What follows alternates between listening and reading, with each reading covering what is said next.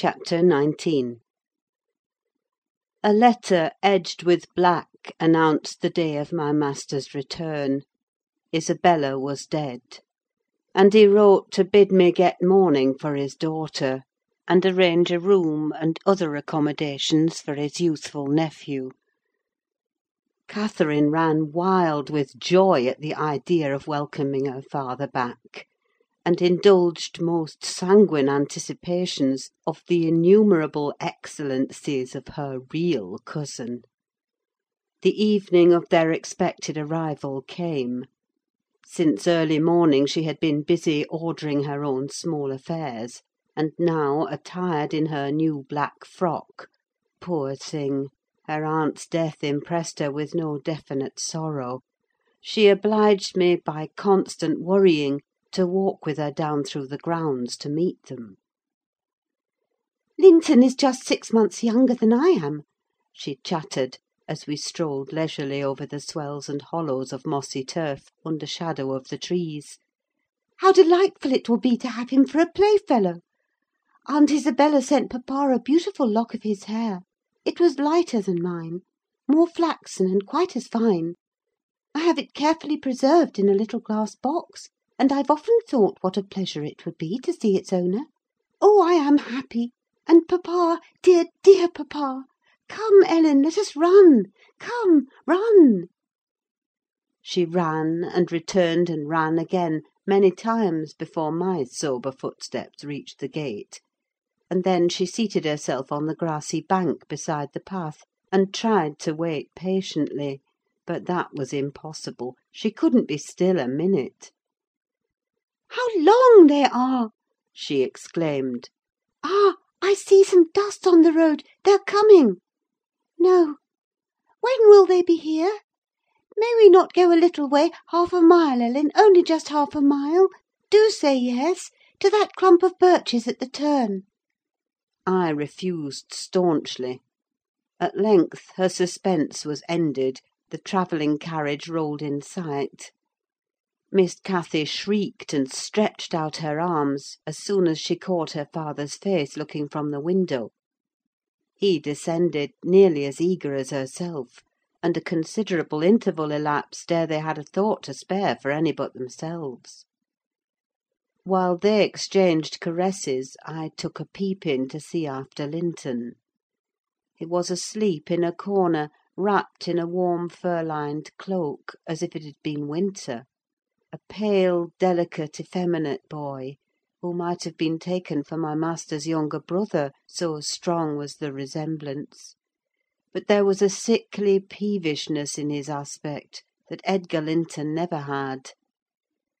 The latter saw me looking, and having shaken hands, advised me to close the door, and leave him undisturbed, for the journey had fatigued him. Cathy would fain have taken one glance, but her father told her to come, and they walked together up the park, while I hastened before to prepare the servants. "Now, darling," said Mr. Linton, addressing his daughter, as they halted at the bottom of the front steps, "your cousin is not so strong or so merry as you are; and he has lost his mother, remember, a very short time since. Therefore don't expect him to play and run about with you directly; and don't harass him much by talking. Let him be quiet this evening, at least, will you?" "Yes, yes, papa," answered Catherine. "But I do want to see him, and he hasn't once looked out." The carriage stopped, and the sleeper being roused, was lifted to the ground by his uncle. "This is your cousin Cathy, Linton," he said, putting their little hands together. "She's fond of you already, and mind you don't grieve her by crying to night. Try to be cheerful now. The travelling is at an end, and you have nothing to do but rest and amuse yourself as you please."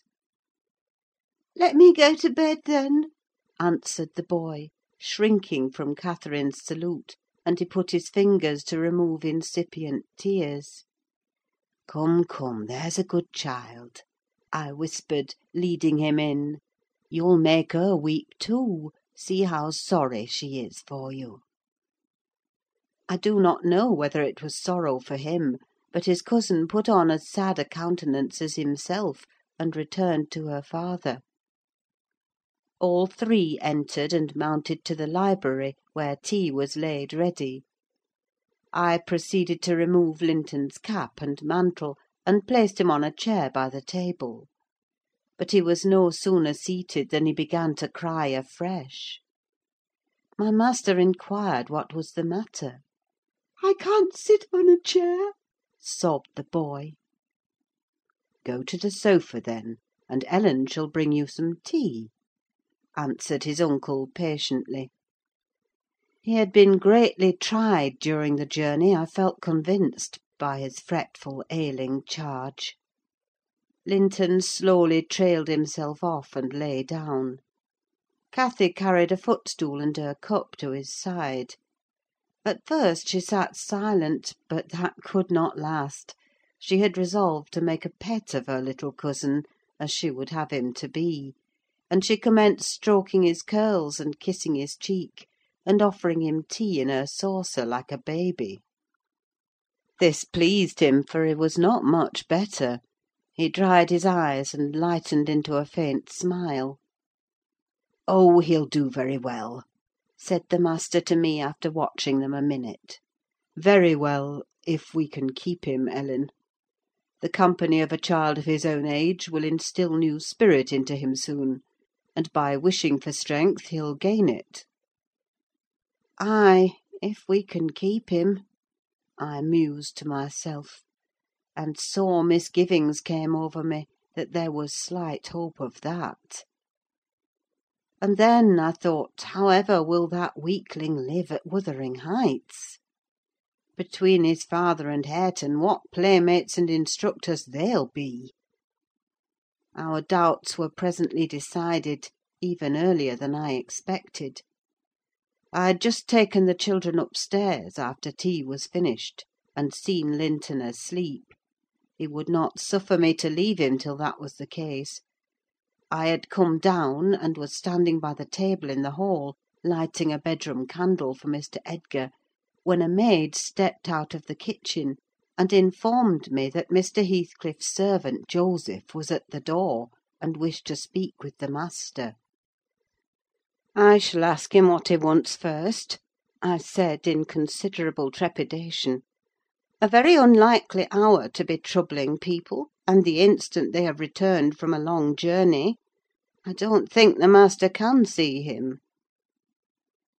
Joseph had advanced through the kitchen as I uttered these words, and now presented himself in the hall.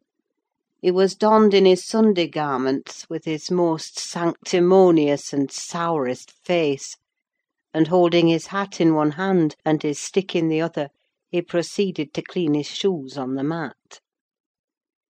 "Good evening, Joseph," I said coldly. "What business brings you here to night?" "It's Maister Linton I mun speak to," he answered, waving me disdainfully aside. "Mr. Linton is going to bed. Unless you have something particular to say, I'm sure he won't hear it now," I continued. "You had better sit down in there, and entrust your message to me." "Which is his harm?" pursued the fellow, surveying the range of closed doors. I perceived he was bent on refusing my mediation, so very reluctantly I went up to the library, and announced the unseasonable visitor, advising that he should be dismissed till next day. Mr. Linton had no time to empower me to do so, for Joseph mounted close at my heels, and pushing into the apartment, planted himself at the far side of the table, with his two fists clapped on the head of his stick, and began in an elevated tone, as if anticipating opposition. "Heathcliff has sent me for his lad, and I mun't go back 'bout him."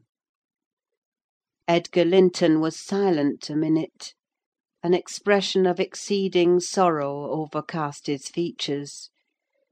He would have pitied the child on his own account; but, recalling Isabella's hopes and fears, and anxious wishes for her son, and her commendations of him to his care, he grieved bitterly at the prospect of yielding him up, and searched in his heart how it might be avoided.